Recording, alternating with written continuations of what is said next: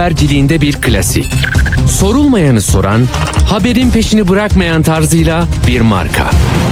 Atilla Güner'le Akşam Postası, gündeme damga vuran konu ve konuklarla hafta içi her akşam 17'de Radyo Sputnik'te. Akşam postasından hepinize iyi akşamlar efendim. 16 Ocak Pazartesi selam olsun Türkiye'ye bizi her nerede dinliyorsanız oraya. Reha Muhtar'ın böyle bir lafı vardı değil mi? Her nerede yaşıyor ve yaşatılıyorsan diye. Kulakları çınlasın. O da ne ortalarda görünüyor ne bir şey. Şimdi arkadaşlar 118 gün sonra vereceğiniz altın değerinde bir zarf var. Yani orada bir kapalı yerde mührü mühürlü bir şeye bir mühür basıyorsunuz evet diye. Ondan sonra memleketin kaderini değiştiriyorsunuz. Yani hakikaten öyle. Birer birer oyların hepsinin özgür ağırlığı çok fazla. 50 artı 1 ise değil mi? Bir kişi bile değiştirebilir. Sonra itiraz olur vesaire. Tamam işte öyle bir yere gidiyorsunuz. Hayırlısı uğurlusu olsun. Şimdi benim de bugün böyle siyaseten konuşacaklarım, araştırmacılara soracaklarım vardı ama biraz e, bulunduğumuz bölgede telefon bağlantılarıyla ilgili kısmi bir sorun var. Onu aşmaya çalışıyor e, kurumlar, kuruluşlar, ilgililere söyledik. Umarım Türk Telekom da bu konuda üzerine düşeni yapıyordur diye düşünüyorum. Şimdi biz bir yandan bu telefon bağlantılarının e, olamayacağını düşünerek ilerleyeceğiz. Ee, ama olursa da sizlerle buluşturacağız. Onun için e, hemen kestirmeden hareket edelim. Hafta sonu ne yaptınız bilmiyorum. Hani ekmeğin peşinde miydiniz? EYT'liyseniz böyle otonuzu satmak için şeye mi açık havada satış otopazarlarına mı götürdünüz? Ee, bilmiyorum. Yani herkesin bir derdi var tabii. Yani huzur içinde böyle bir çayımı içeyim de suya bakayım ya da yeşilliğe bakayım mutlu olayım, keyif alayım memleketimle, gidişatımızla, Cumhuriyet'in 100. yılıyla coşku dolayım falan diye çok az e, şey var. Bu böyle durumda olanlar galiba. Peki o zaman mesela Kartal'dan başlamak istiyorum ben. İstanbul'da yaşadığım şehirde hemen de karşı sahilde Kartal'da Emek ve Özgürlük İttifakı'nın e, neyi vardı? Mitingi vardı. Ee, önemli çünkü herkes kendisini muazzam derecede önemli addediyor ya. Dolayısıyla buradaki oy da 14-15'e kadar varabilir. En azından 15 diyebiliriz yani yüzde 15 büyük rakam. Dolayısıyla orada ne vardı? Yani işte Türkiye İşçi Partisi de var, Halkların Demokratik Partisi var, e, EMEP var, Emek Partisi, e, Emekçi Hareket Partisi var, Toplumsal Özgürlük Partisi var, pek çok işte Sosyalist Meclisler Federasyonu var. Orada ortaklaşa bir miting yaptılar. Belki gördünüz, görmediniz. Yani epey de bir ses getirdi aslında belli bir çevrelerde. E, bir tek belki İşçi Partisi lideri başın orada konuşmuyor olması tartışıldı, polemik konusu oldu. Ama e, Erkan başında bir haber nedeniyle galiba kırgın olduğunu anlıyoruz. Ona da geleceğim. Fakat şimdi işin e, en önemli tarafı şu. Bu tür organizasyonlarda hani katılımın azaltılması, görüntünün daha seyrek oluşmasını sağlamak için sanki özel bir de çaba harcanıyor. Hani ben onu birkaç yerde gözlemlemiştim. İşte barikatlar kuruluyor, aramalar yapılıyor, oradan işte doldu deniliyor vesaire. Burada da aynı şeyler konuşuluyordu. Mesaja gelince yani İstanbul'u e, ele geçirmek isteyen bir tertip olduğunu, buna da birlikte direnmek gerektiğini söylüyorlar Kartal'da bir araya gelenler. Yani bu herkes kendi sağındakinden bir şeyler koparmaya çalışıyor ya. Yani bu sol ve solun daha solunda olanlardan oluşan öyle bir mürekkep bir şey.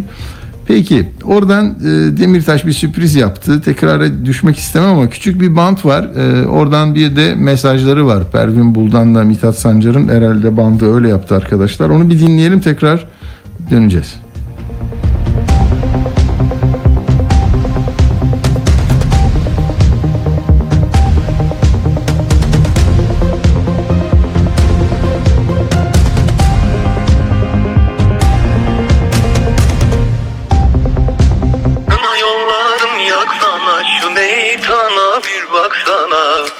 Bir tek oy yok sana Biz halkız emekçiyiz biz. Birleştik benzedik nara Artık kaçacak yeri ara Geliyoruz iktidara Umuduz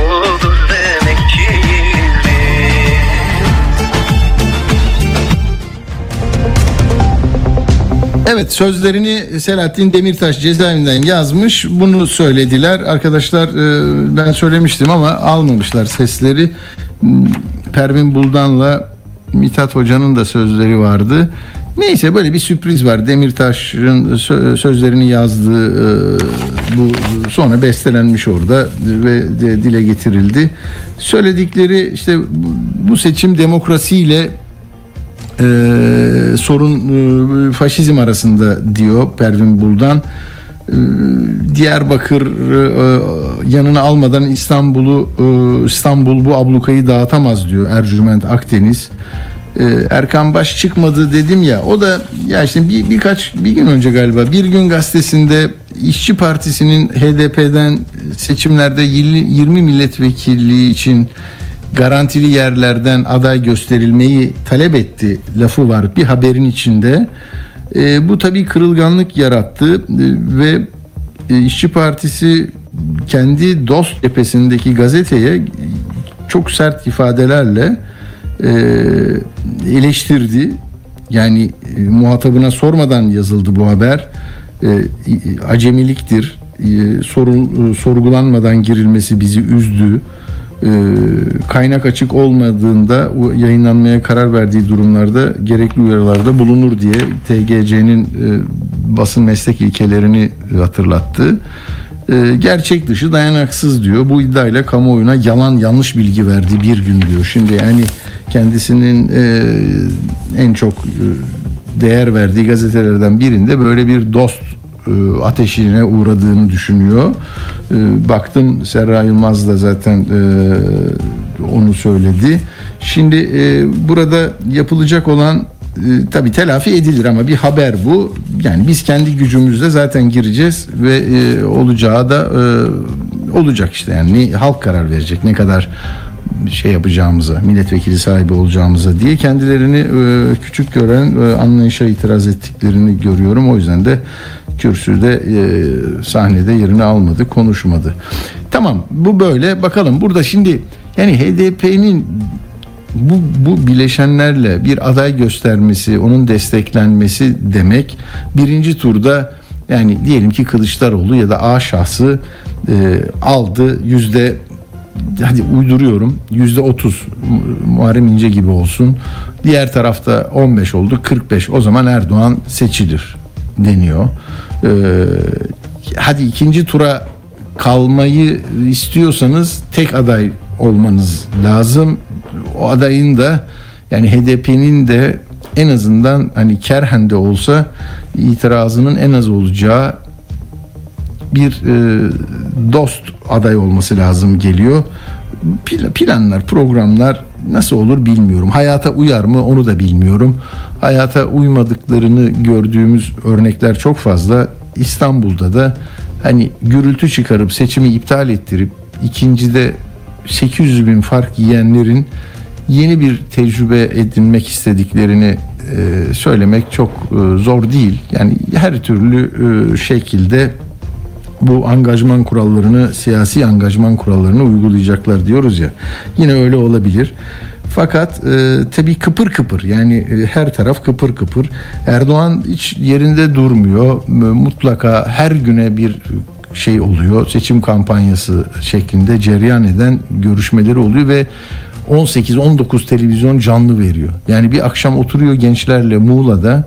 Ertesi gün onu pazar günü millet hani böyle keyif yapardı. Kovboy filmi falan seyrederdi. Şimdi bir buçuk saat orada gençlerle yaptığı şeyi dinliyorsunuz. izliyor, izlemek durumundasınız. Bütün hakim kanallar iki, ikisi üçü dışında hepsi öyle. Yani KRT vermez, işte şey vermez, Tele1 vermez, Halk TV vermez. Belki Flash vermez bilmiyorum. Onun dışında herkes veriyor. Ee, bu, bu Muğla'daki buluşma tabii 100 188 gün kalmış şimdi daha itinalı olayım, sözüm yanlış anlaşılmasın. Ben ülkenin birliğinden sorumlu bir cumhurbaşkanıyım ya da işte bir bakanım. Ee, siyaseti tamam yapacağız ama e, ekmeden bükmeden yapalım. Nasıl yapacaksak yapalım derdi olmuyor pek çok e, örnekte gördüğümüz gibi. E, Şimdi öteden beri söylerim ya size Erdoğan'ın karşısındakiler yani halkın o gittiği kentin duygusunu, rengini, ahengini, melodisini, ezgisini size aktarmıyor. Sadece Adalet ve Kalkınma Partisi'nin gençlik örgütünün e, bir kurultayına gitmiş hissi oluyor ve bunu da 18-28 televizyon toplumun izlemesini istiyor. Öyle bir kuşatılmışlık ki bu. Ben e, yani o- böyle bir propaganda yapan oy verdiğim bir parti olsa yani televizyonu da kapatırım kendilerine de en ağır e, eleştirilerimi direkt yollama arayışına girerim. Olacak gibi değil. Şimdi ne dediğimi biliyorsunuz zaten. Hani sorular uçakta sorulmuyor. Uçakta sorulan sorular işte bu bu namussuzlar, bu karşı taraflar, bu bölücüler, bu işte biciler, cücüler e, biz bunları nasıl yeneriz? Onun derdindeyiz. Siz büyüksünüz falan. Havadan iniyorsun aşağı aynı uçuş devam ediyor. Şimdi gençler biliyorsunuz neler diyorlar. Ya bak kızın ismi Dilara. Böyle örtülü bir kızımız. Gelmiş Muğla'da okuyor. 700 kilometre oradan Pergeli koyun 700 kilometre neresiyse oradan gelmiş. Ee, ama yani derdin ne? Sorun ne? Ee, neyi bildirmek için söz aldın? Ne diyeceksin sen yani şimdi? Ya şu sözcükleri bir, ne olur bir dinleyin. Bakın bu bu burada başka bir şey yapmaya çalışıyorum ben. Yani bu bu söylenebilir. Söylenir ama seçime gelmiş 3-5 işte 3 ay var. Yani bir e, üniversiteli kız herhalde bunu böyle teatral bir şekilde yapınca yani insanlar ağlayacak mı? Oy mu verecekler? E peki bunu yaptın yanındaki birisi de şöyle diyemez mi mesela? Siz şu şu şu vaatlerle geldiniz. Şu meseleyi çözeceğim dediniz. ifade özgürlüğü dediniz. Hans'la George'da ne varsa bizde de olacak dediniz.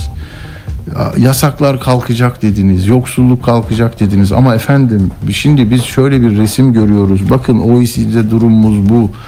İşte dünyada TL'si en çok değer kaybeden, milli parası en çok değer kaybeden üçüncü para birimiyiz. Enflasyonda Zimbabwe ile yakınlaşacağız, Arjantin'le yakındaşız. Falan bunları da diyebilirsin, o da sana cevap verir. Yok kardeşim ya. Hayvanlarımı sattım ben mecbur kaldım efendim diyene sana o hayvanları kim verdi diyoruz. O inekleri kim verdi diyoruz. Yani Su yok diyorsun bardakta. Niye baksana içinde var biraz görmüyor musun? Falan. Neyse. Hadi bakalım Dilara kızımız şimdi sizin şirketin benim bak benim bir şirketim olsa benim bana böyle bir şey söylese ben o kızla çalışmam. Yani bu bu çalışanla çalışmam. Çünkü asıl meseleyi söylemiyor. Başka bir başka bir kafada o şimdi. Bak bakalım ne diyor. Sayın Cumhurbaşkanım, benim size olan minnettarlığımı dile getirmek istiyorum. Ben bugün ailemden 700 kilometre uzakta okuyabiliyorsam, gece 11'de dersten çıkıp arkama bakmadan korkusuzca yürüyebiliyorsam bu sizin sayenizde. Benim gibi binlerce Dilaraları korkusuzca yürüttüğünüz için size minnettarım. Benim özgürlüğümü, inancımı bir metrekare kumaş olarak gören, toplumu kutuplaştıran, ülkemin üzerine kara bulut gibi çöken 6 tane kara bulutu yağmur yağdırtmayacağız. Onlar kara bulut oldukça bu gençlik güneş olacak. Sayın Cumhurbaşkanım izin vermeyeceğiz. İç karışıklıklar çıkararak vatanımızı, milletimizi bölmelerine izin vermeyeceğiz. Bayrağımızı ilelebet sonsuza kadar göklerde dalgalandıracağız. Şu anki olduğu gibi her zaman başka ülkenin gölgesinde var olmadan dalgalanacak bayrağımız. Ne oluyor ya? Ne oluyor? 1918 mi? İstanbul işgal altında mı? İzmir'e e, Yunan askerleri mi çıkarıldı? Ne diyorsunuz siz ya? Neyi anlatıyorsun güzel kızım benim? Gece yürüyorsan emniyeti var bu ülkenin bin yıllık devlet geleneği var. Yani minnet bir kişiye ne diye. Sonra bir metrekare kumaş parçası diyenler. Yani sen Cumhurbaşkanına bir parti liderine ne demek istiyorsun? Yani Kılıçdaroğlu kara bulut niye altısı da kara bulut olsun? Başbakan olarak belki oraya Davutoğlu geldiğinde aynı şeyi ona söylüyordun. Yani gençlik güneş gibi parlayacak falan filan. İç karışıklık, bölünme, bayrak, ezan. Yani bunlarla seçime gidileceğini zaten o tarafta inşa ediyorlardır muhtemelen ama sen de bir partinin içindeysen niye bu 85 milyon insana bu propagandayı dayatıyorsunuz ki yani? Niye dinlesin bunu? Yani ben görevim diye dinliyorum ama bu kadar da olmaz ya. Bir eleştirinin e'si yok ya. Bu tek sesli yankı odalarında yorgun düşmüyor musunuz siz? Allah'ınızı severseniz ya. Neyse böyle işte böyle. Ondan sonra e, tartışıyoruz. Neyi tartışıyoruz? Yani özgür basın diyoruz. Çalışan gazetecileri kutluyorlar. Bir şeyler oluyor. Soru sormaya kalk bakalım sana ne yapıyorlar. Yani her şeyin en iyisini söyleyeceksin. En iyi söyleyemeyen kapanacak tamam mı? Tek tek yolu var. Kapanacaksınız. Yani örtülmek anlamında söylemiyorum. Fiilen ortadan kaldırılacaksınız yani. Tabipler Birliği de, barolarda, Anayasa Mahkemesi de, demokratik kitle örgütleri de, partilerde hepiniz kapanacaksınız. Kapata kapata açık kalan kısımlar ne olacak yani? Ne kadarlık bir yer açık kalacak bilmiyorum. Çok komik. Yazık ya. İşte bunların içinde işte bir sürü siyaset var da neyini söyleyeyim. Akşener başlamış şimdi İmamoğlu. Başka partinin e, belediye başkanı e, tamam Millet İttifakı seçtirdi de ama onu yani hem otobüsün üstünde onun en yakınında olmak, her zaman yanında olmak, ablası olmak tamam güzel. E şimdi bir partinin başarısı için bir şey yapıyorsun. Senin sadece logon var. E emanet oradaki başkanı alıyorsun, vitrine koyuyorsun. Adalet istiyoruz. Türkiye başbakan istiyor. Türkiye adalet istiyor. Peki tamam. Ee, böyle yani başladı işte seçim kampanyaları billboardlarda görüyorum devasa sonra böyle videolar da var. Deva Partisi HDP ile de acaba HDP kapanırsa ittifak yapar mı diye yazılar var okumuşsunuzdur. Davutoğlu oy oranımızı az buluyorsanız o zaman çekip gidelim biz diyor. Erdoğan bunu kullanıyor çok yoğun bir şekilde. Muğla'da e, öyle dedi. Yani bunlardan ne olur ya ne köy olur ne kasaba olur diyor e, kriz çıkma e, sözünü de etmişti ya eğer altılı altılı ittifakın iradesi dışında uygulamaları olursa kritik konularda o zaman kriz çıkar dedi. Erdoğan da diyor ki ya diyor krizi pazarlayan bir şey de görmedim ben diyor. Böylece gidiyorsunuz arkadaşlar işte e, bir seçime. Ama Kemal Kılıçdaroğlu'nun tabii TV yüzde e, başına geleni çok duydunuz ettiniz. Ben aynı şeyleri söylemek istemiyorum ama cezaevindekilere bir borcum var. Kemal Bey konuşurken TV yüzde Uğur Dündar'ın sorularını yanıtlarken alt bantta ne geçiyor? Sadat. Ne bu? İşte milli savunmanın e, Türkiye'deki savunma sanayinin e, nesiymiş efendim? E, şey ne diyordu? Bilmem nesi. Yani e, hizmet sektörü. Ha, savunma sanayinin hizmet sektöründe en önemli şey unsuru Sadat. Bomba nasıl kaldırılır, bomba nasıl atılır, tethiş bilmem ne, adam kaçırmalar bilmem neler. Yani gayri nizami milli harp vesaire her şey var. Eskiden böyle e, Gladio örgütlerinin öğrettiklerini parayla başkalarına öğretiyorlar ama Türkiye'de reklam veriyorlar. Reklamdan çok başka bir şeymiş bu. Ya şimdi TV100 diyor ki bu reklamı biz bilmiyorduk e, diyor. Ama bir aydır bir kullanılıyordu diyor. Ya şimdi üzülecek olabilirim bazılarına ama var ya böyle bir çatapat reklamı gelse ya da patronun beğenmediği bir sermaye grubundan gelse lafında bir şey olsa hemen yayın yönetmenlerine gelirler. Onlar patrona giderler. Alalım ya da almayalım. Ama bak buna almayalım dediklerinde bence daha yüksekten bir şey gelip ya alsana kardeşim Bak o Kemal Bey geldi ev kapılarını bastı bunların. Bu da böyle bir şey koyacak. Ne var bunda? Demiş olabilirler. Yani bu kadar basittir. Anla- anlattığım şey basit gibi görünüyor ama yani reklamın müdürü Sadat, silahlı adamlar, maskeli, Kemal Bey'in sırasında falan olmaz. Yani bunlar dondurma reklamının ne zaman uzun usulsüz girmesin diye dikkat çekecek abartıyorum ama şeydir.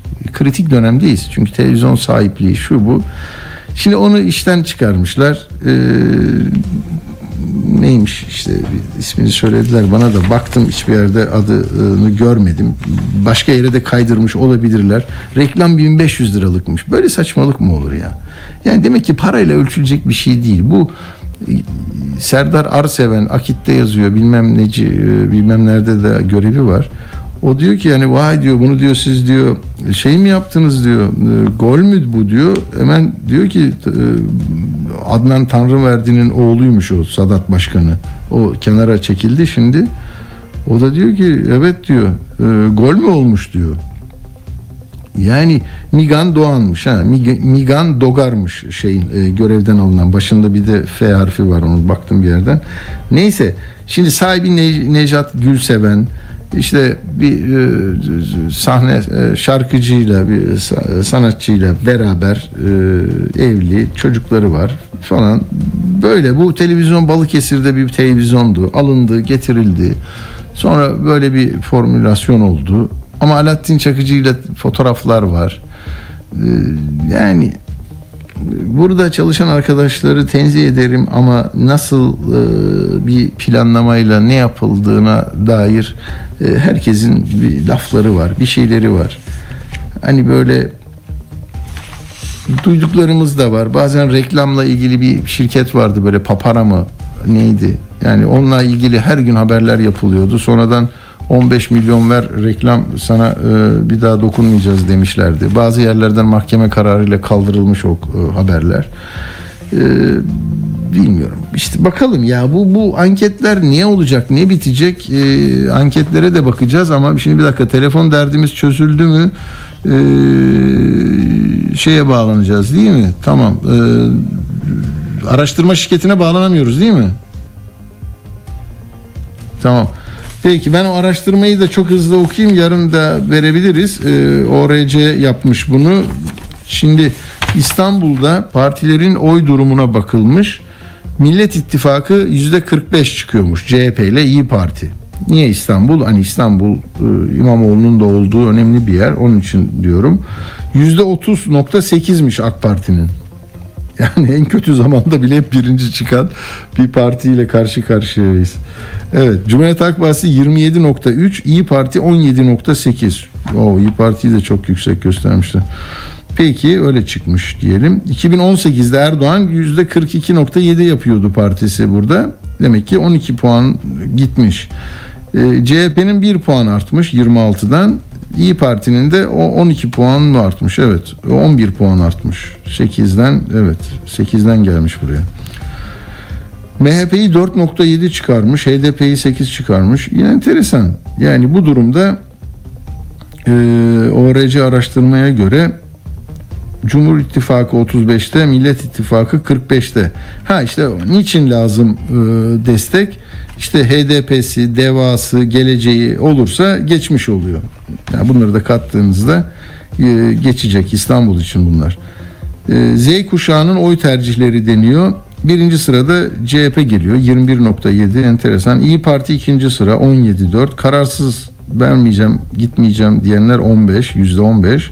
AK Parti dördüncü sırada e, 13.9 MHP 7.4 HDP 5.5 böyle gidiyor.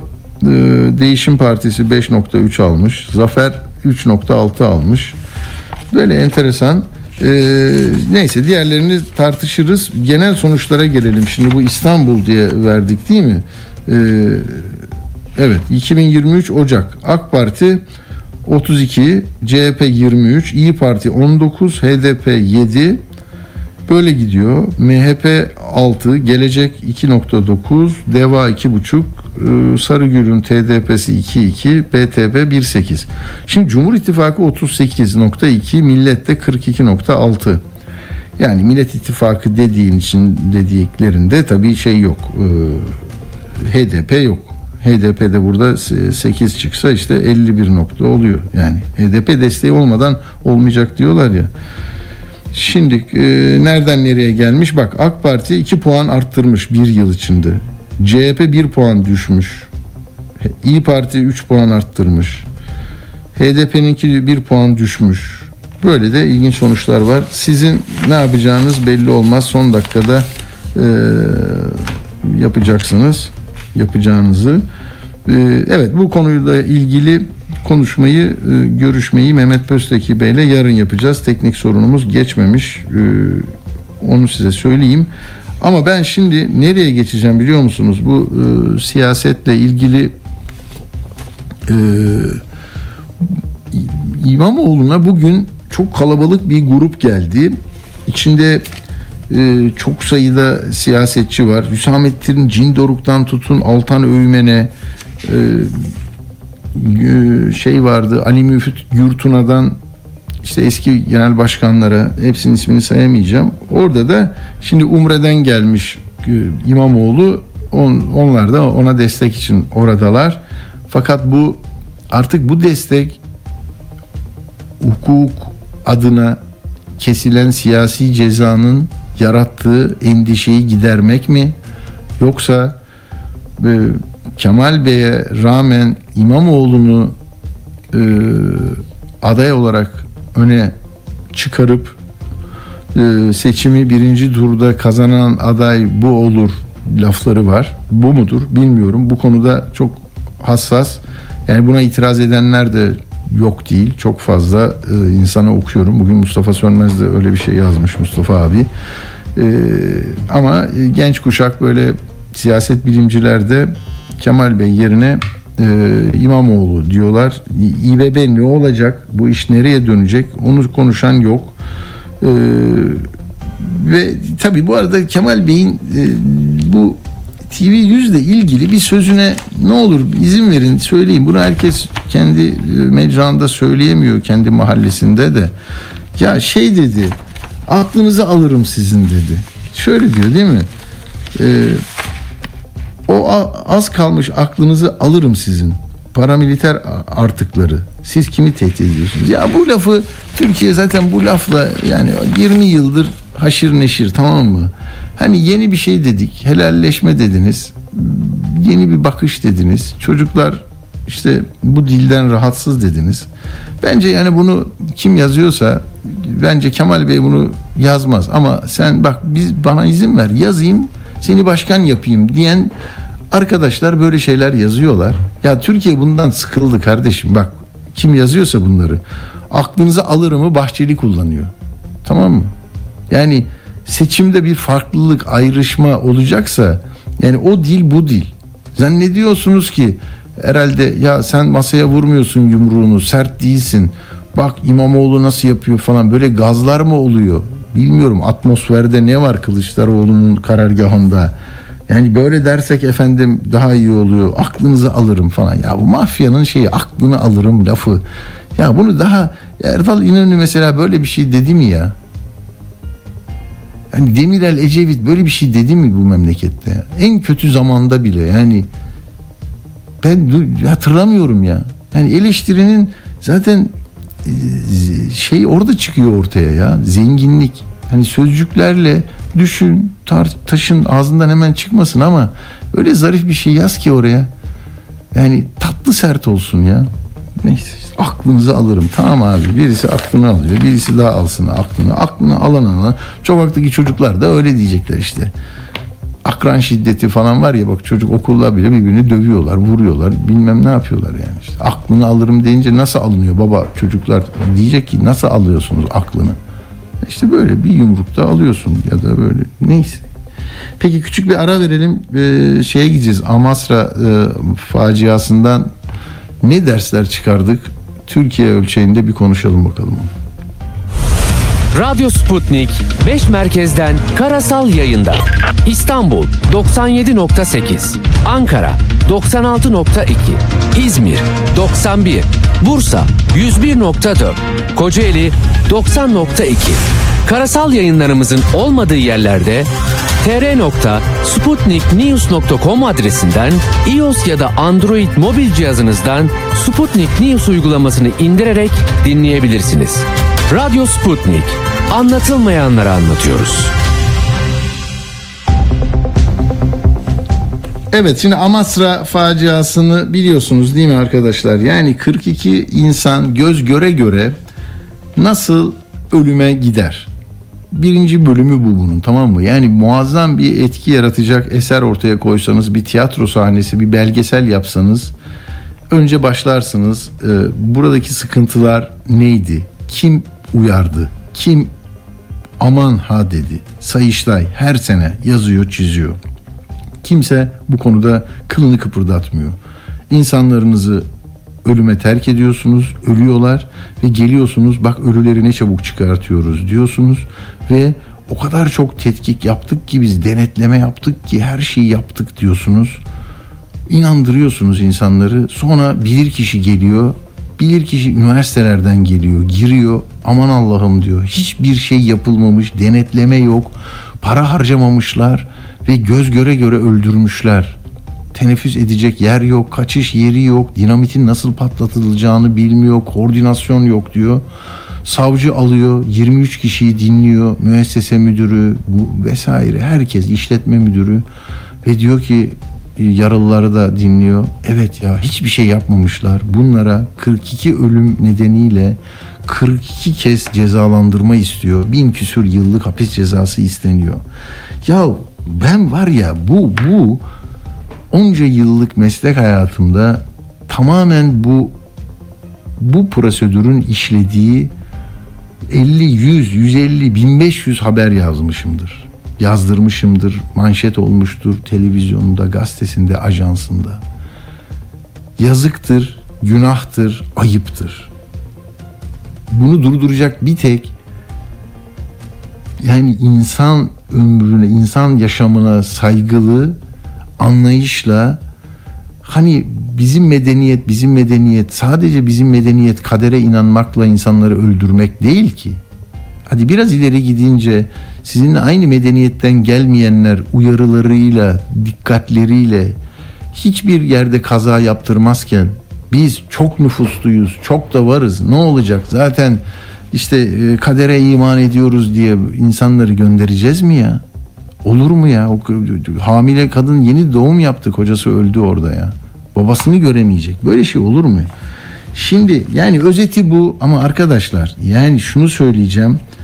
Ee, olay olduğu gün e, oraya gelen oldu değil mi? Bah- şeyler geldi. Bakanlar geldi. Cumhurbaşkanı geldi. Gezisini iptal etti. Tamam o alkış aldı. Eskiden kimse gelmezmiş öyle şimdi geliyor diyorlardı.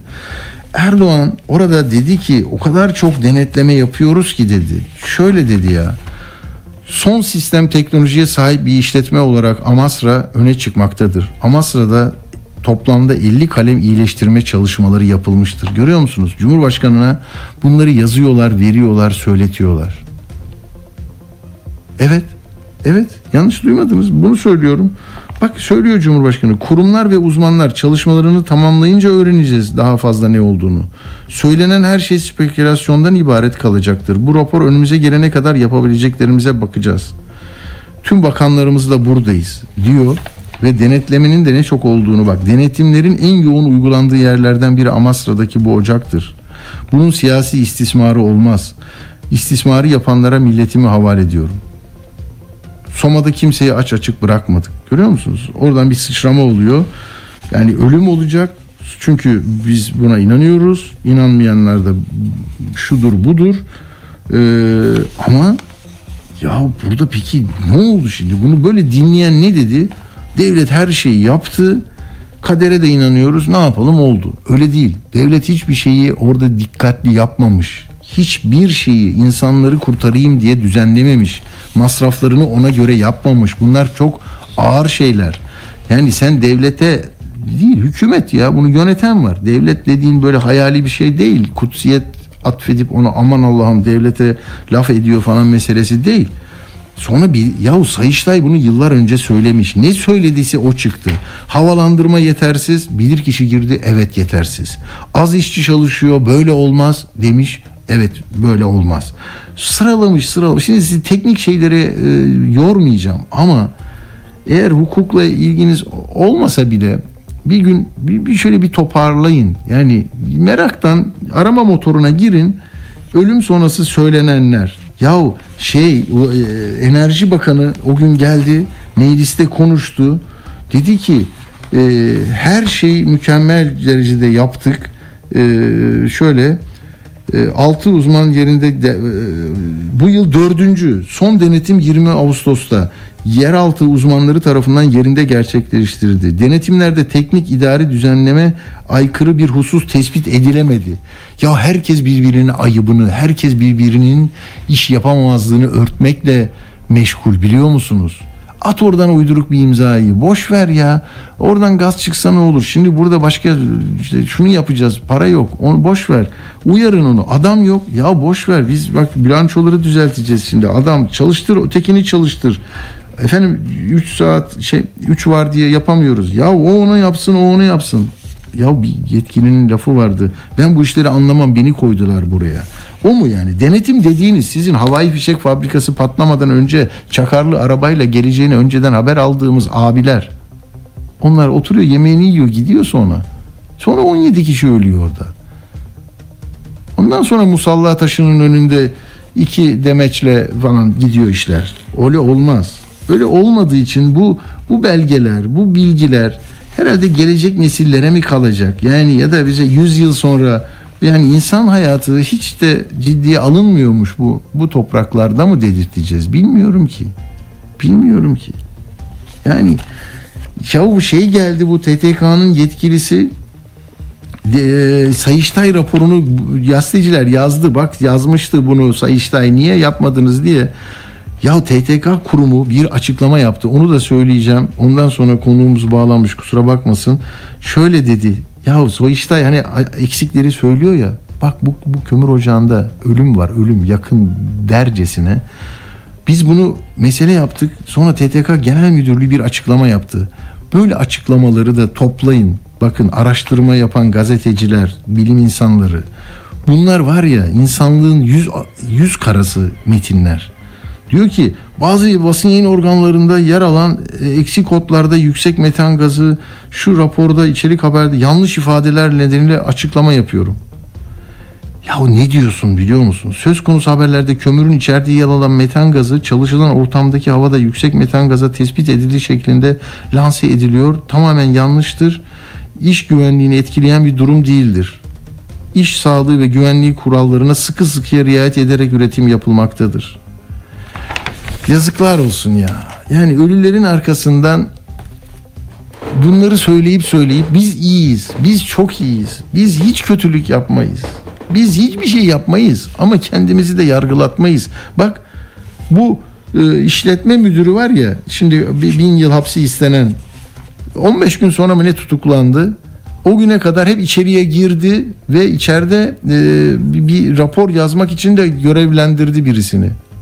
Şu anda bin yıl hapsi istenen adam 15 gün Ocak'ta delilleri belki yok etti. Şimdi içeride. Tamam. TTK Genel Müdürlüğü görevini yapmadı, bakanlık yapmadı diye bilirkişi raporunda 10 madde varsa 3'ü bunlarla ilgiliydi. Ve ne Enerji Bakanlığı'nın ne Çalışma Bakanlığı'nın e, denetlemeleri uyduruktan yaptığını, e, himaye ettiğini, liyakatsiz ve öngörüsüz adamları yerini korusun diye bir belge imzaladığını e, ortaya çıkarmak için onları da çağırmak lazım. Yok onlara gücü yetmemiş e, yargının. Evet şimdi e, çok özür dilerim e, avukat Melike Demirağ Polat hattımızda. Melike Hanım merhaba. Merhabalar, iyi yayınlar. Ben kendimi tutamadım ne yapayım çok kızıyorum böyle şeylere. Ne olur hukuki açıdan benim boşlukta kalan tarafları tamamlar mısınız? Yani bu hukuki metin ne diyor bize? Benim dediklerimin dışında e, ne diyebilirsiniz? Ee, şöyle şimdi e, öncelikle biz e, yani burada olası kastla cezalandırılması istenen dört kişi için e, atfedilen suçun e, doğru olduğu kanaatindeyiz. Fakat geri kalan e, şüphelilerle ilgili bilinçli taksirle öldürme ve yaralamadan e, ceza istemiş savcı. E, buna kesinlikle katılmadığımızı ilk başta belirtmek istiyorum. Ne demek bu? Yani onlar ağırlaştırılmış bir e, tabloyla karşı karşıya kalacak. Diğerleri az az al- az mı ceza alacak? Evet aynen öyle. Yani bunu Soma'da gördüğümüz gibi olası Hı. kast istenirken eee, orada hatırlarsınız Yargıtay üyelerinin Tamam. değiştirilip daireye müdahale edildikten sonra suç bahsi bilinçli taksite çevrilmişti ve e, ondan sonra tahliye edildiler ve çok çok az cezalar aldılar. 301 kişinin öldürülmesi sonrasında. E, burada da bu kaygımızı destekleyen e, bir durum aslında yine bilinçli Anladım. Mesela Cihat Özdemir, Selçuk Ekmekçi, Mehmet Tural ve Volkan Soylu değil mi? Bunlar e, Olası kasıt. işte ne diyor? Teknik altyapı oluşturulmadı, yeterli yatırım yapılmadan, iş güvenliği önlemlerinin alınmasını sağlamadan maden ocağında üretimi devam ettirdikleri için, değil mi? Evet. Ne o bunlar? Ne, neden yargılanacak bunlar şimdi?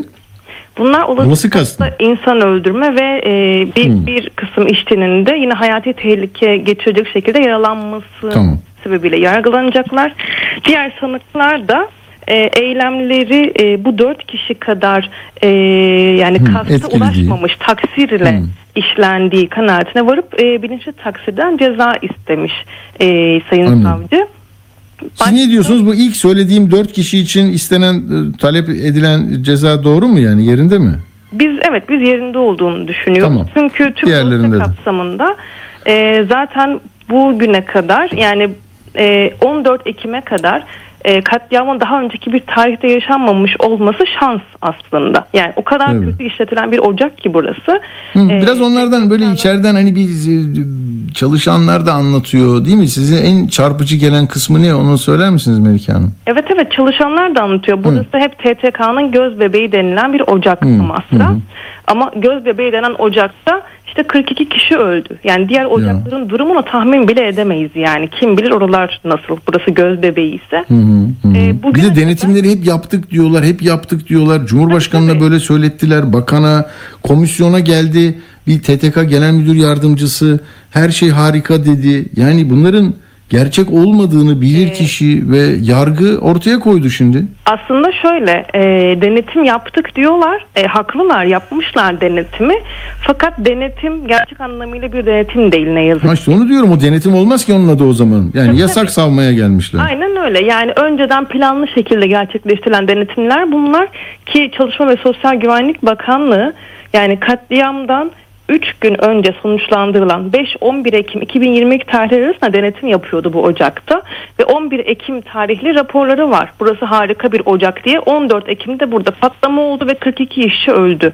Yani denetimin niteliğini varın siz düşünün nasıl bir denetim yapıyorlarmış zaten. Yani Evet. yine aynı yılın Mayıs ve Haziran ayında e, TTK kurum içi teftiş yapmış. E, personel eksikliği, e, işçi, mühendis ve memur hepsini kastediyorum. Personel eksikliği olduğunu tespit etmiş burada. Ve bu yüzden e, aksayan işler olduğunu söylemişler. Amasya Ocağı da demiş ki tamam personel eksikti zaten siz bize bunu vermek zorundasınız. Verin o zaman eksikse personel. E, ama bu personel eksikliği giderilmemiş. Ve biz şimdi Hmm. bunu şey diye okuyoruz. Personel eksikliğindeki Anladım. ihmal diye okuyoruz mesela şu anda.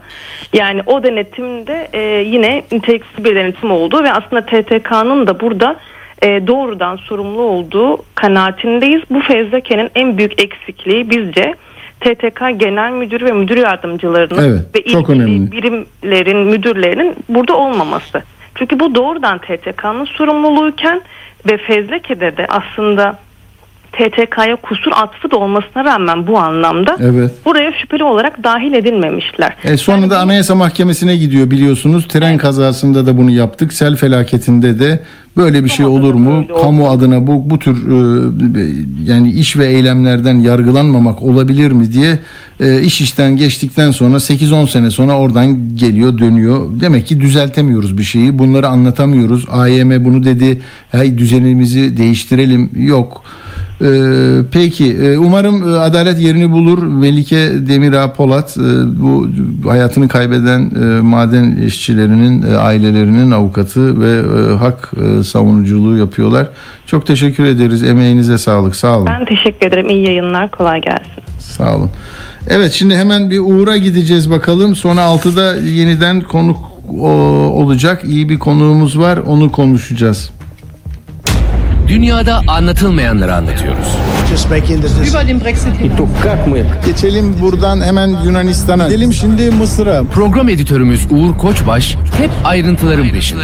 Dünyadan zaten Uğur'un şeyi copyright bölümü. Neden yapıyoruz? Çünkü 12 Eylül bizim AB maceramızın da aslında yıl dönümü. 34 tane fasıl hala bekliyor. Bunu zaten İngiliz basında manşetlerine taşıyarak Morris'e büyük yargı darbesi darbesi. Dünyada anlatılmayanları anlatıyoruz. Yani çok çabuk söyleyeceğim. 2013'te de 8 işçi ölmüştü Kozlu'da. O zamanki müessese müdürü Kazım Eroğlu şimdi TTK Genel Müdürü. Kendisi mahkum oldu ama cezası ertelendi falan. 4 yıl ceza almıştı. 27 bin lira ödedi e, gitti. 24 bin lira ödedi taksitle. Karadon'da da 30 işçi ölmüştü. İsmail Güner'di o zaman da müessese müdürü. O da 6 yıl 3 ay hapis cezası aldı ama onun da cezası kesinleşti mi ne oldu bir yerlerde durdu kaldı. Yani böyle şimdi buradaki işletme müdürü de bin yıl hapis istiyor ama siz sonuca bakın bu devran böyle gidiyor. İşte asıl düzeltilmesi gereken bu. Yoksa bir oyla değişecek bir şey değil bu anlayışla. Diyeceksin ki kardeşim bir insan yaşamına değer vermiyorsun. Ölenleri öldürenlere ceza da vermiyorsun. Bir de üstüne ödül veriyorsun. Bu kadar. Nokta. Uğur. Evet söz sende 9 dakikan var. Merhaba. Şimdi bir son dakikayla başlayayım o zaman. Cumhurbaşkanı Erdoğan'la e, Rusya lideri Putin arasında bir telefon görüşmesi olmuş. E, Cumhurbaşkanı İletişim Başkanlığı bir e, açıklama yaptı bununla ilgili. Rusya tahılının Türkiye'de una çevrilerek ihtiyacı olan Afrika ülkelerine gönderilmesi projesi konuşulmuş. Bu enteresan. E, çünkü hep bu tahıl, tahıl koridoru açıldı ama bu tahılların hepsi Avrupa'ya gidiyor. İhtiyacı olan Afrika ülkelerine çok az sayıda gemi gidiyor diye bir tartışma vardı. Şimdi e, bu tahılların Türkiye'de una çevrildikten sonra Afrika'ya gönderilmesi meselesi herhalde masaya yatırılıyor. Aynı zamanda Rusya ile Ukrayna arasındaki e, barışın tesisi için e, arabuluculuk görevini üstlenmeye hazır olduklarını Erdoğan yinelemiş Putin'e. E, bunun dışında İran'da idamlar devam ediyor. Bu sefer çok yüksek profilli bir idam oldu. E, bu son e, şeylerle gösterilerle alakası yok bunun ama e, tabii İran rejiminin bir e, gözdağı vermesi tabii. E, kim olursa olsun ben e, rejime tehdit oluşturan herkesi e, dar ağacına gönderirim e, demesi gibi algılanabilir. Çünkü eski savunma bakan yardımcısı Ali Rıza Akbari'yi idam ettiler. 2000 ile 2005 yılları arasında savunma bakan yardımcılığı yapmıştı.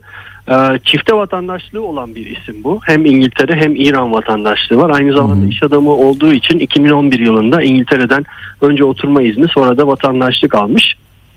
Ama e, çok üst düzey bir isim. E, İran-Irak savaşını bitiren heyetin başında e, olan bir isim. E, aynı zamanda nükleer müzakerelerde İran'la Avrupa Birliği ülkeleri ara- arasında yürütülen nükleer müzakerelerde yer alan bir isim. E, yurt dışında yaşıyormuş e, uzun zamandır. Ondan sonra işte e, İran'la ilgili bir e, diplomatik açılım nedeniyle tekrar ülkeye davet ediliyor. Tekrar göreve başlıyor Dışişleri Bakanlığı'nda. Fakat 2019 yılında İngiltere için ajanlık yaptığı suçlamasıyla tutuklanıyor. Sonra da O zamandan beri devam ediyor. 3 senedir. Evet, ondan sonra tecrite alınıyor, sürekli sorgulanıyor. Hakkındaki e, soruşturma, dava devam ediyor. En son bir itiraf videosu yayınlanıyor ve orada e, İngiltere'ye bilgi sızdırdığını itiraf ediyor o iddiaya göre Akbari. Hmm. Fakat e, itiraf videosu yayınlandıktan hemen sonra bu sefer de BBC Farsça servisi tarafından bir ses kaydı yayınlanıyor. Yine kendisine ait olan. İşlemediğim suçları kamera önünde zorla üstlenmem için işkembe, işkenceye maruz kaldım e, diyor. Hatta 3500 saat boyunca işkence gördüğünü söylüyor. Suçlaması da çok enteresan. Bir şişe parfüm ve tişört karşılığında çok gizli bilgileri sızdırmakla suçlanıyor. Hmm. Ee, ve sonuç olarak e, idam edildi. Tabii bu sadece e, Akbari değil bu gösterilere katılan kişilerin de idamları devam ediyor. Son olarak 4 kişinin cezası infaz edilmiş oldu. 22 kişi hakkında idam cezası verilmişti. Son idam edilen kişi 22 yaşındaki karate şampiyonu Muhammed Mehdi Karami. Ee, Burada çok tartışmalı bir şey var. Kendisini savunmak için sadece 15 dakika süre verildi ve 15 dakika sonra a, idam kararı açıklandı. Sonra da infaz edildi. Yani gerçekten korkunç bir e, durum söz konusu. E, Afganistan'da da Taliban Talibanlığını yapmaya e, devam ediyor. Yani hep e, başını anlatmak gerekiyor bu meselenin. E, iktidara tekrar ele aldıkları zaman demişlerdi ki kız çocuklarına dokunmayacağız. E, kadın hakları konusunda e, adımlar atılacak vesaire. Türkiye'ye gelmişlerdi. Türkiye e, mutlaka bu konuda adım atmanız lazım. Buna dokunmamanız lazım. Dünyanın sizi tanıması için bu çok elzemdir demişti. Ama biliyorsunuz önce kız çocuklarının okula gitmesi yasaklandı. Sonra üniversitelerde araya perde gerdiler kızlarla erkekler arasında. Son olarak da üniversitelerde kız öğrencilerinin eğitim görmesine yasak getirdi Taliban. Bir sürü akademisyen istifa etti bunu protesto etmek için. Ee, Şimdi de e, Taliban öncesi hükümetin kadın milletvekillerinden bir isim evinde öldürüldü e, korumasıyla birlikte. Yani kadınlar maalesef Afganistan'da çok zorlu günler yaşıyorlar Taliban rejimi altında. Biliyorsunuz Erdoğan da bir çağrı yapmıştı. Bu hiç İslami değildir. Gelin bundan vazgeçin demişti ama e, Taliban hiçbir şeye kulak asmıyor. Ee, ekonomik anlamda da çok zorlayacak bir şey bu. Çünkü bütün ülkeler e, Afganistan'a yardımları tamamen askıya almış durumdalar. Bakalım ne olacak orası. Tabii dünyanın gündem maddelerinden bir tanesi Davos. Ee, biliyorsunuz 2009 yılında e, daha da gelmem Davos'a krizinden sonra Perez'le Erdoğan'ın yaşadığı krizden sonra Türkiye Gitmiyor muyuz? Ondan sonra daha da gitmiyor muyuz hakikaten? ya aslında bakanlık düzeyinde katılımlar olmuştu Ee, ama Hmm. Erdoğan yani devlet başkanlığı başbakanlık düzeyinde hiç olmadı. Ee, Erdoğan hiç gitmedi. Ee, bazen bakanlarını gönderdi ilk senelerde. Ondan sonra hiç katılım olmamaya başladı. Bu sene de mesela Türkiye'den hiçbir resmi katılım yok. Ama e, Babacan davet almış ve o gideceğini e, açıkladı. Ee, başladı bugün Davos. Ee, Babacan'a hatta sordular ne konuşacaksınız, ekonomiyi nasıl anlatacaksınız diye.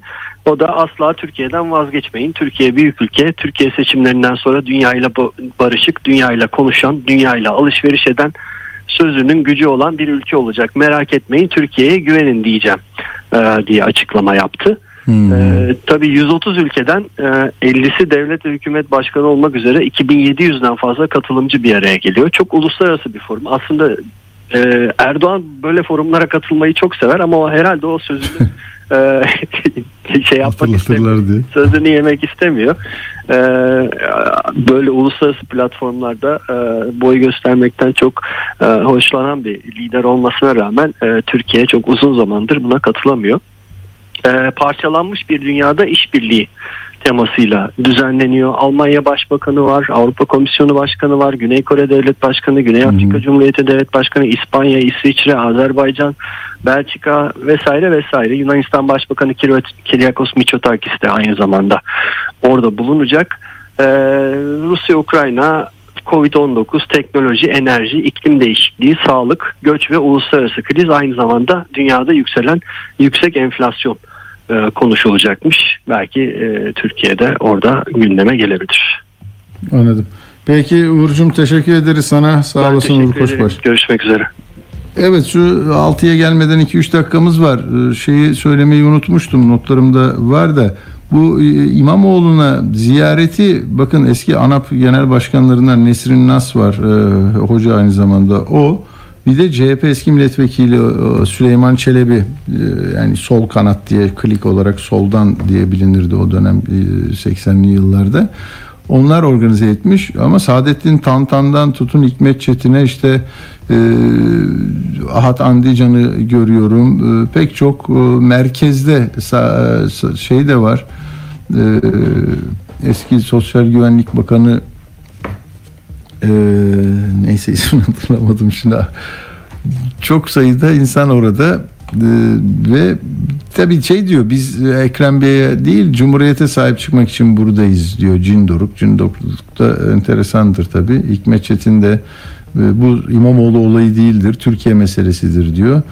E, çare bir iki miting yapmakla bulunmaz diyor. Demokratik bir şekilde muhalefetin öncülük ederek halkı bir dik tutturacak hale getirmek lazım diyor. Enteresan bakalım ne olacak.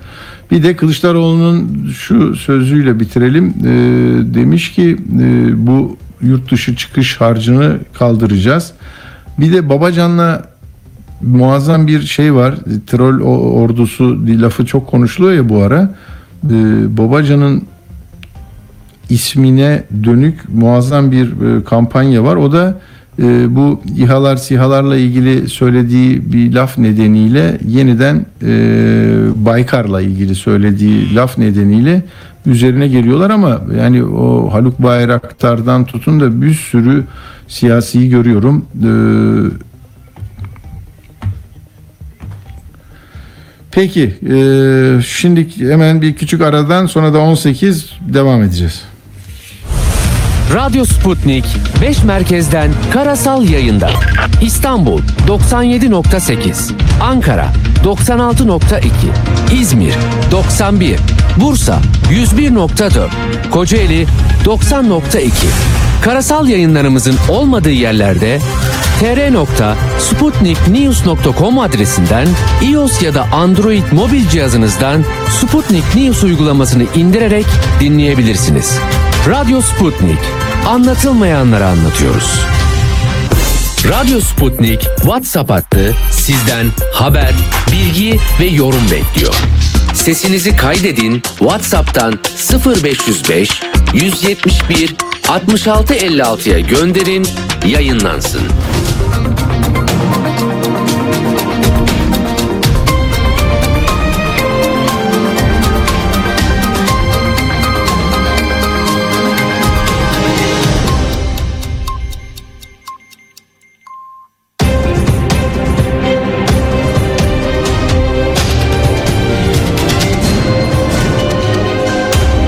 Radyo Sputnik.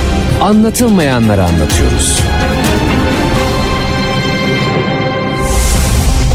Radyo haberciliğinde bir klasik. Sorulmayanı soran, haberin peşini bırakmayan tarzıyla bir marka. Atilla Güner'le Akşam Postası, gündeme damga vuran konu ve konuklarla hafta içi her akşam 17'de Radyo Sputnik'te. Evet bu bölümde yine ilginç bir e, kitabı ele alacağız. Kitabın içeriğinden size e, bilgiler iletmeyi amaç ediniyoruz. Tuğba Tekerek yazmış kitabı. E, Taşra Üniversiteleri AK Parti'nin arka kampüsü diye çok konuşulan bir meseleye ağırlık vermiş, çalışmış ve ortaya kitabı çıkarmış. Şöyle çok konuşuluyor. Yani bilim çevrelerinde, akademilerde yani asıl olanın 8 milyon, 8,5 milyon öğrencili bir e, ülke olmak değil, e, az, öz ama nitelikli eleman yetiştiren üniversitelerin olması lazım. İşte ilk 500'e giren üniversiten kalmıyor. Boğaz içini kuşatarak almaya çalışıyorsun. Liselerini geleneksel e, eğitim standartlarının altına indirmeye çalışıyorsun. Bir vasatlıkla olmaz bu iş diyenler çok sayıdaydı. Evet Tuğba Hanım merhaba, hoş geldiniz. Merhabalar Atilla Bey. Şimdi bu kitapta e, araştırmayı nasıl yürüttünüz? Yani her e, böyle diyelim ki bir ilçede var. Hani Siverek'te var, Yalova'da, Bingöl'ün bir ilçesinde de konabiliyor üniversite. Orada kadro, öğrenci, e, eğitim hep onları öğrencilerden mi dinlediniz? Nasıl bir yol aldınız?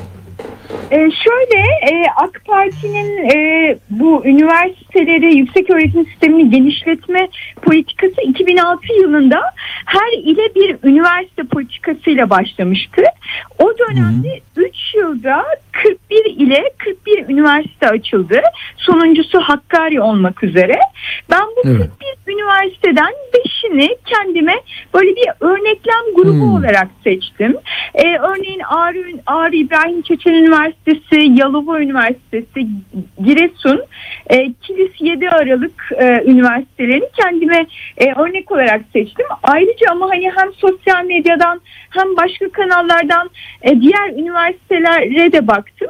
E, ama bu beşinde e, her birinin kampüsüne en az iki kere giderek e, orada Hmm. öğrencilerle ve akademisyenlerle görüştüm. E, kimisinde yöneticilerle görüşme e, şansım da oldu. E, bu şekilde hazırladım kitabı. Çok güzel.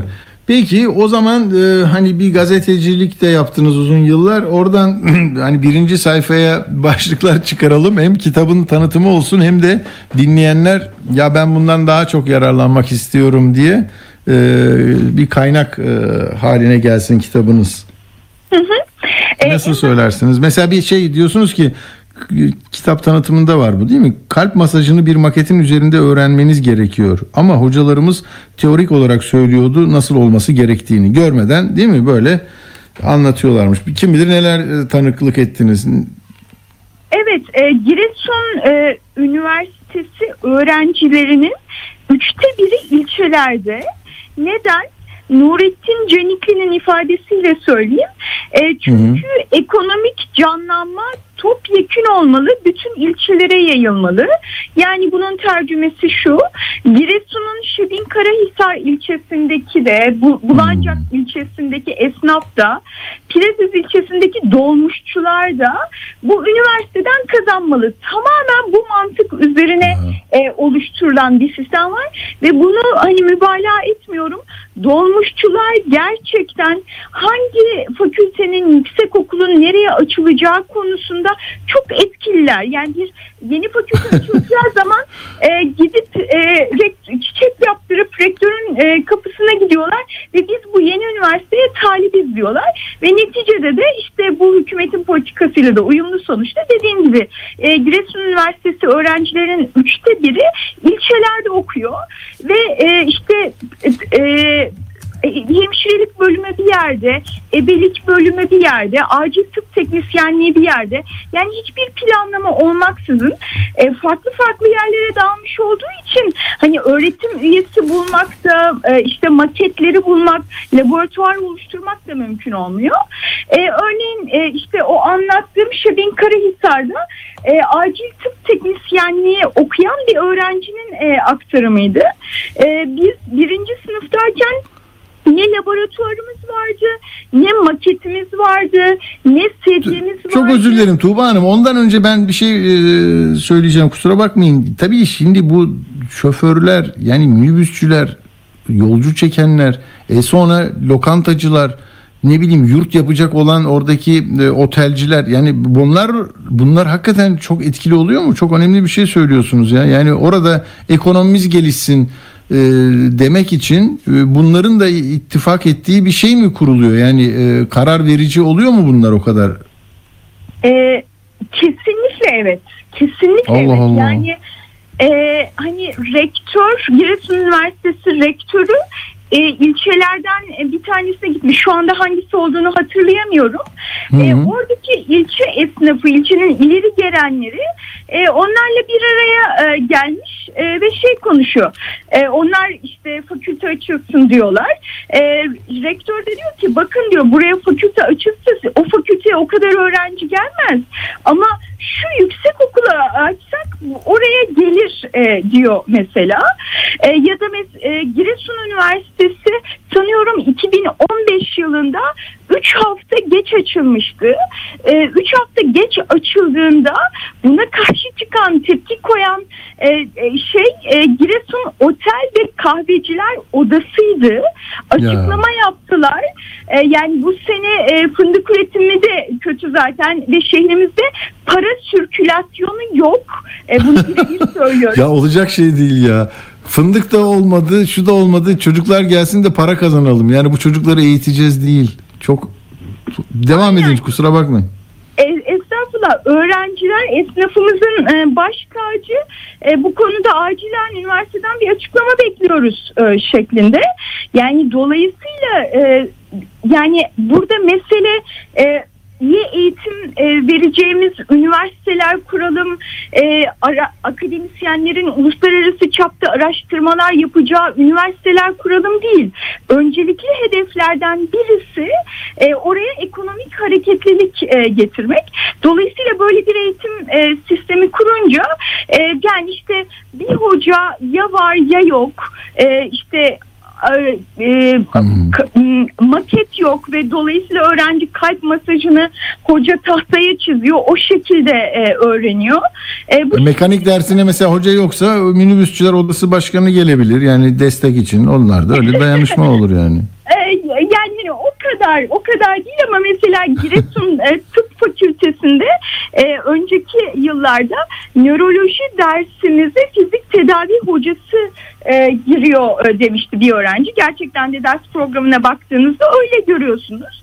Hani pek çok hoca alanı olmayan e, şeyde ders veriyorlar. E, örneğin Munzur Üniversitesi Psikoloji bölümünün öğretim üyesi kadrosunda psikolog yok. Bu öğrenciler orada eğitim alıyorlar ve psikolog olacaklar ve yarın bir gün işte biz hastaneye gittiğimizde bir yere gittiğimizde psikolog olarak onlar karşımıza çıkacaklar. Maalesef böyle bir tabloyla karşı karşıyayız. Çok çarpıcı. Ee, peki e, bunun dışında e, yani gerçekten bir ekonomik katkısı gözleniyor mu? Diyelim ki bir yıl iki yıl önce açıldı. Mesela buna bağlı olarak kentte, ilçede e, yani hayatın o, olağan akışı içinde üniversite merkezli e, işler ve e, işlemler de oluyordur herhalde değil mi? Onu gözlemliyor musunuz? Ee, yani şöyle evet e, öğrenciler bu üniversiteler gittikleri kente hem yeni bir kültür e, götürüyorlar Hmm. hem bir ekonomik hareketlilik e, götürüyorlar ama bu e, gerçekten hani o şehrin kalkınmasına uzun vadeli olarak ne kadar bir katkı, ne kadar Hmm. gerçek bir ekonomik e, gelişme e, çok ciddi bir e, tartışma konusu. E, Hmm. şeyi de söylemek lazım bu arada. Ekonomik hareketlilik götürmek e, motivasyonlardan bir tanesi. Önemli motivasyonlardan bir tanesi de elbette e, dindar ve milliyetçi nesiller e, yetiştirmek. Hmm. Yani şu, şunu söylemeliyim. E, parçalı bir yapı var. Bazı yerlerde akademik kadro biraz daha iyi, görece iyi olduğu durumlar var. Ama hiçbir durumda bu üniversiteler özerk değil. Yani Hmm. bir sosyo, pol- siyaset bilimi hocası gerçekten siyaset bilimi dersi veriyor olsa bile e, mesela bir akademisyenle konuşmuştum. Diyor ki ben e, Osmanlı'dan günümüze e, e, Cumhuriyet tarihi dersi veriyorum. Ama burada 90'ları da anlatmam lazım, 2000'leri de anlatmam lazım ama hiç oralara girmiyorum e, diyor. Hmm. Ya da bir sosyoloji hocası aile nedir? İşte iki kişilik aile olur mu? E, ailenin e, hani bu konuda e, yaratıcı düşünme egzersizi şeklinde bir ders yapılabilir aslında. Ama hiç buralara girmiyorum. Çünkü öğrencilerden bir tanesi beni CİMER'e şikayet edebilir ve benim başıma neler geleceğini Ya. e, hiç bilmiyorum e, diyor. Dolayısıyla e, gerçek bir hani üniversite dediğimiz şey öğrencilerin tüm toplumsal baskılardan uzak bir şekilde yeni ufuklara açılmasına imkan sağlay- sağlanan bir ortamda düşünmesi, kendilerini geliştirmesi, eğitim alması.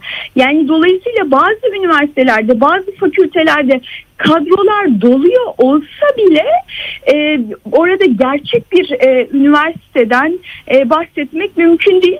Ve bir üniversite toplumun göz bebeği. Yani hem öğrenciler açısından işte dediğim gibi doktorlarımız, psikologlarımız, mühendislerimiz e, onlar olacak. Hem de bilimi ileriye taşımak, düşünceyi ileriye taşımak açısından bir toplumun göz bebeği olması gereken bir kurum. Ama maalesef Türkiye'de son on- 16 yıldaki yüksek öğretim politikasıyla üniversitelerimizi üniversite olmaktan çıkartıyoruz, kaybediyoruz. Bir de uzun sürmüş. Siz 8 yıl boyunca bunun üzerine kafa yormuşsunuz, çalışmışsınız. Bu çok önemli. Bir de şunu merak eder belki dinleyenler. Diyelim ki e, puan nedeniyle yerleştirme sınavındaki e, azizlik nedeniyle istediği bir bölümü diyelim Yalova'da, Ağrı'da, Bingöl'de buldu civar kentlerden e, çocuklar, gençler. Ama gittikleri yerin e, iklimiyle örtüşmeyen bir yaşam tarzları var diyelim. Yani tüketim alışkanlıkları, giyimleri, kültür tüketmeleri yani onlar e, sorun oluyor mu? E, çocukların, gençlerin o o yönde bir şeyleri oluyor mu sıkıntıları? Yani Ev bulamazsınız belki de tek kişi ev vermem diyebilir değil mi? Böyle şeyler o, olmuyor değil memlekette. Elbette e, yani işte bir taksi şoförü e, Bingöl'de işte bir kızla bir erkek e, ormanda çok kötü şeyler yapıyormuş onları dövmüşler diye anlatmıştı. E, yine bir ilçede bir öğrenciyle erkek öğrenciyle konuşmuştum. E, kız arkadaşımla yan yana yürüyorduk. El ele bile tutuşmuyorduk. E, işte bizi topalarla kovaladılar e, diye anlatmıştı. Ee, ya da işte ilçelere gittiğinizde en basitinden hani bir nemlendirici krem bulamıyorsunuz. Ee, ya da kargoyla bir hani bir şey sipariş ediyorsunuz. Onun gelmesi en azından 3-4 gün e, alıyor e, gibi şeyler söz konusu. Ama e, şehirler için öğrenciler önemli bir gelir kapısı olduğu için yani kafeler için, dolmuşçular için, ev sahipleri e, için önemli bir e, gelir kapısı. Yani e, öğrencileri ilk yıllarda daha çok bu ateş çemberinin içine attılar diyeyim. E, yani zamanla e, üniversite kültürüyle şehir arasında hani bir uzlaşma olur e, gibi oldu. E, kampüslerin içinde belki biraz daha rahatlar. E, şehirde o kadar e, rahat değiller. E, yani sizin sorunuzda şey diye cevap belli problemlerle karşılaşacaklardır. E, ama o en problemlerin en büyüğü değil. Değil. Peki son soru mezun olduktan sonra e, anlatılar var mı böyle hani burayı bitirdi ama iş var mı E, akademide kalmak istese kalabilir mi? E, fiilen bu mezuniyet e, belgesi ne ne ne işe yarıyor bu gençler için? Ee, bu dönemin başında Bingöl Üniversitesi Sosyal Hizmet Bölümünden bir öğrenciyle konuşmuştum. Ee, bana şey demişti, e, şu- e, bu yıl mezun olacağız ve aramızda konuştuğumuz tek şey mezun olunca biz ne yapacağız? Ya. Ee, mezun olduğumuzda elimizdeki tek şey Bingöl Üniversitesi üzerinde Bingöl Üniversitesi yazan bir diploma e, olacak demişti ve o diploma o öğrencilere hiçbir şekilde güvence vermiyordu. E, dediğim gibi e, işte psikoloji bölümünden e, bahsettim sanıyorum Muzur Üniversitesi'nin işte hoca yok. Türkiye çapında 150'den fazla psikoloji bölümü var. Sadece 2020-21 yılında mezun olanların sayısı 7000'e yaklaşıyor. Yani bu 7000 psikoloji mezunundan kaçı iş bulabildi? Yani Munzur'da, e, Hakkari'de, Iğdır'da, Maraş'ta ve her yıl bunların üzerine yeni mezunlar yani yeni işsizler e, ekleniyor ve o işsiz havuz e, işsiz havuzu gittikçe büyüyor. E, son bir not olarak şunu söyleyeyim bir psikoloji mezunuyla e, konuşmuştum. Örneğin Kızılay psikolog e, şeyi açmış, e, kadrosu açmış. E, ona başvurabilir E, ama aynı zamanda o internet sitesinde başvuru sayısının ne kadar olduğu görünüyor. Çocuk diyordu ki yani saat be saat işte 1500, 2000, e, 3000 e, kişi başvuruyor tek bir kadroya. Hani ben onu gördükçe orada çöküyordum e, diyor. Dolayısıyla yani bu kadar üniversite açmanın hani ne öğrencilere ne ailelerine e, ne de bu ülkeye topluma bir faydası yok. E, dediğiniz gibi gerçek eğitimin olduğu özel kurumlar e, olarak kurgulanmalı yüksek öğretim sistemi. Ama bir şeyi de hatırladım şimdi Merkel'le konuşurken Erdoğan soruyor e, sende ne kadar öğrenci var bizde 8 milyon deyince şaşırıyor Merkel ama yani şaşırmak şöyle çünkü oradaki öğrenci sayısı nitelikli öğrenci yetiştirmek üzere kurulmuş ve her ilçeye falan gitmiyor. Ee, ama bizde tabii yöntem başka sayıyı arttıracağız. Biz yani nitelik değil nicelik olarak işte biraz büyük bina olacak. Ee, her yere gittik diyeceğiz. Bak eskiden sen buraya geliyordun şimdi Ayana geliyoruz diye anlatılıyor bu mesele. Üniversite biraz da böyle bir şey değil. Yani siz gideceksiniz kültürler arası farklılıkları göreceksiniz. Görgünüz artacak diye ben de e, son notu söylemiş olayım. Ama çok e, önemli bir iş yapmışsınız. Tebrik ediyorum Tuğba Tekerek. İletişim yayınlarından bu kitap. E, radyolarını yeni açanlar için söylüyorum. Taşra Üniversiteleri AK Parti'nin e, AK Parti'nin arka kampüsü iletişim yayınlarından Tanıl Bora da e, editörlüğünü yapmış. E, okunası bir kitap diyorum. Çok teşekkür ediyorum katıldığınız için. E, çok teşekkürler Atilla Bey. İyi yayınlar. Sağ olun. Çok teşekkürler. Evet böyle şimdi bugün de hmm, daha fazla bir şey söylemeyeyim. Dün e, Nazım'ın e, 121. E, doğum günüydü. E, yani e, 15 Ocak 1902'de Selanik'te başlayıp öyle 3 Haziran 63'te Moskova'da biten e, o muazzam hayattan geriye kalan çok şey var. Ama bir e, şiirini e, yaşamaya dair şiirini Hakkı Ergök'ten dinledim geçenlerde. Bunu bir kullanayım dedim. Hafta arası e, denk gelmedi ama olsun. Onu dinleyeceğiz Nazım'dan. E, doğum gününü kutlayacağız. Arkasından da yine Cumhuriyet'in 100. yaşındayız. Orada da Nutuk'u okumaya devam ediyoruz. Mehtap Kepeneğin sesiyle. Ee, sizlere bu ikisini peş peşe vereceğim. Ee, çok teşekkür ediyorum bizimle olduğunuz için. İyi akşamlar, hoşçakalın, sevgiler.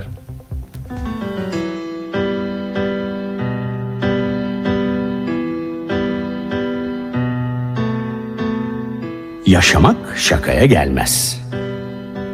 Büyük bir ciddiyetle yaşayacaksın. Bir sincap gibi mesela. Yani yaşamın dışında ve ötesinde hiçbir şey beklemeden. Yani bütün işin gücün yaşamak olacak. Yaşamayı ciddiye alacaksın. Yani o derecede öylesine ki mesela kolların bağlı arkadan, sırtın duvarda yahut kocaman gözlüklerin beyaz gömleğinde bir laboratuvarda insanlar için ölebileceksin. Hem de yüzünü bile görmediğin insanlar için. Hem de hiç kimse seni buna zorlamamışken. Hem de en güzel, en gerçek şeyin yaşamak olduğunu bildiğin halde. Yani öylesine ciddiye alacaksın ki yaşamayı. Yetmişinde bile mesela zeytin dikeceksin. Hem de öyle çocuklara falan kalır diye değil. Ölmekten korktuğun halde ölüme inanmadığın için. Yaşamak yanı ağır bastığında. Diyelim ki ağır ameliyatlık hastayız. Yani beyaz masadan bir daha kalkmamak ihtimali de var. Duymamak mümkün değilse de biraz erken gitmenin kederini. Biz yine de güleceğiz anlatılan Bektaşi fıkrasına. Hava yağmurlu mu diye bakacağız pencereden. Yahut da sabırsızlıkla bekleyeceğiz son ajans haberlerini. Diyelim ki dövüşülmeye değer bir şeyler için diyelim ki cephedeyiz. Daha orada, ilk hücumda, daha o gün yüzü koyun kapaklanıp ölmek de mümkün. Tuhaf bir hınçla bileceğiz bunu. Fakat yine de çıldırasıya merak edeceğiz belki yıllarca sürecek olan savaşın sonunu. Diyelim ki hapisteyiz. Yaşımız da 50'ye yakın. Daha da 18 sene olsun açılmasına demir kapının. Yine de dışarıyla birlikte yaşayacağız. İnsanları, hayvanları, kavgası ve rüzgarıyla. Yani duvarın ardındaki dışarıyla. Yani nasıl ve nerede olursak olalım hiç ölünmeyecekmiş gibi yaşanacak. Bu dünya soğuyacak. Yıldızların arasında bir yıldız. Hem de en ufacıklarından. Mavi kadifede bir yaldız zerresi yani bu kocaman dünyamız. Bu dünya soğuyacak günün birinde.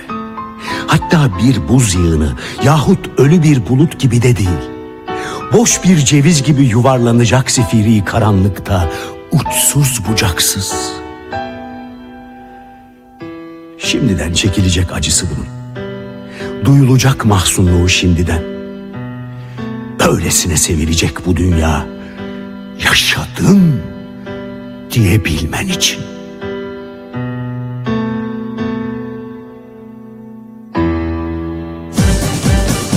Cumhuriyet 100 yaşında. Daha zamanda daha büyük işler başaracağız. Bu işlerin en büyük temeli Türk kahramanlığı ve yüksek Türk kültürü olan Türkiye Cumhuriyeti'dir. Cumhuriyet 100 yaşında. Milli gösterilerin yankıları. Her yerde gösteriler yapılması için yaptığım tebligat tarihinden 3 gün sonra, yani 31 Mayıs 1919'da Harbiye Nazırı'nın şu telgrafını aldım. İngiltere Olağanüstü Komiserliğinden Baba Ali'ye tebliğ olunup Harbiye nezaretine verilen nota sureti aynen aşağıya çıkarılmıştır. Bugüne kadar gelen raporlardan 3. Kolordu bölgesinde adi haydutluk olaylarından başka bir şey görülmediği bilinmekle beraber son notada bildirilen durumlar hakkında özel soruşturma yapılarak sonucunun acele bildirilmesini rica ederim. 31-8-1919 Harbiye Nazırı Şevket 1. Sivas'ın durumuyla orada olup bitenler ve bu şehirde yahut bu şehrin yakınında toplanmakta olan çok sayıdaki Ermeni mültecilerinin güvenliği ile ilgili olarak son günlerde oldukça kaygı verici haberler almış olduğumu siz Sadrazam Hazretlerinin yüksek katına bildirmekle şeref duyarım. 2. Bundan dolayı askeri komutanın görev bölgesi içinde bulunan Ermenilerin iyi korunması ve himayeleri için elden gelen bütün tedbirleri alınmasını emreder ve herhangi bir şekilde öldürme veyahut kötü muamele olduğu takdirde kendisinin doğrudan doğruya sorumlu tutulacağını bildiren bir telgrafın Yüksek Harbiye Nezaretince adı geçen komutana acele olarak çekilmesi hususunda emir buyurulmasını siz Sadrazam Hazretlerinin yüksek şahsiyetlerinden rica ederim. 3. Bu talimata benzer bir talimatın ilgili sivil memurlara da verilmesini ayrıca rica ederim. 4. Memleket içindeki güvenlik bozucu olaylar konusunda siz Sadrazam Hazretlerinin yüksek şahsiyetlerinin ne kadar haklı bir endişe içinde bulunduklarını bildiğim için, siz Sadrazam Hazretlerinin yüksek şahsiyetlerine ayrıca iş bu uyulacağından eminim. 5. Söz konusu olan talimatın gönderildiği tarih hakkında verilecek bilginin beni fazlasıyla sevindireceğini bildiririm. Sivas Vali Vekilliğinden aldığım 2 Haziran 1919 tarihli bir telgrafta da Albay Dömanj imzasıyla alınan telgrafta İzmir işgali üzerine Aziziye'de Hristiyanlar ölümle tehdit edilmiştir. Bu hareket doğru değildir. Sizi durumdan haberdar edeyim ki bu gibi haller müttefik askerleri tarafından ilinizin işgaline yol açar anlamında ihtarlar bulunulmaktadır denilmekteydi. Gerçekte ne Sivas'ta kaygı verici bir durum vardı ne de Hristiyanların ölümle tehdit edildiği doğruydu. Bunları milletçe yapılmaya başlanan gösterilerden korkuya düşen Hristiyan azınlıkların, yabancıların dikkatini kendi üzerlerine çekmek için kasıtlı olarak yaydıkları uydurma haberler olarak kabul etmek gerekir. Harbiye Nezaretinin nota suretini de içine alan telgrafına verdiğim cevabı olduğu gibi arz edeceğim. İstihbarat çok ivedi. Sivas ve çevresinde eskiden beri bulunan Ermenileri ve sonradan gelen mültecileri yılgınlığa düşürecek hiçbir olay geçmemiştir. Ne Sivas'ta ne de çevresinde kaygı verici herhangi bir durum yoktur. Herkes sükunet içinde iş ve güçleriyle meşguldür. Bunu kesinlikle bilginize sunar ve sizi temin ederim. Bu bakımdan İngiliz notasındaki haberlerin nereden kaynaklandığı bendenizce bilinmek gerekir. İzmir ve Manisa'nın işgaliyle ilgili acı haberler üzerine Müslüman halk tarafından yapılan ve Hristiyan azınlıklar hakkında hiçbir düşmanlık duygusu gütmeyen toplantılardan belki de bazılarının ürkmüş olması hatıra gelebilir. İtilaf devletleri milletimizin haklarına ve bağımsızlığına saygılı kaldıkça, millet de vatanın saldırıya uğrayıp parçalanmayacağından emin oldukça, Hristiyan azınlıkların korkuya kapılmalarına hiçbir sebep yoktur. Bu konuda devlete karşı her türlü sorumluluğu yüklenir ve buna kesinlikle güven buyurulmasını istirham ederim.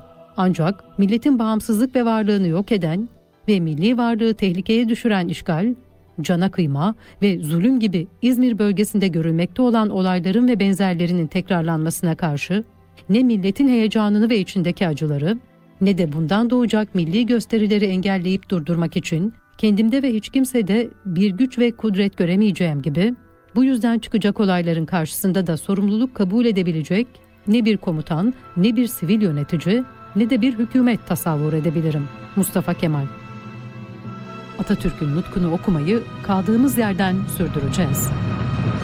Cumhuriyet 100 yaşında.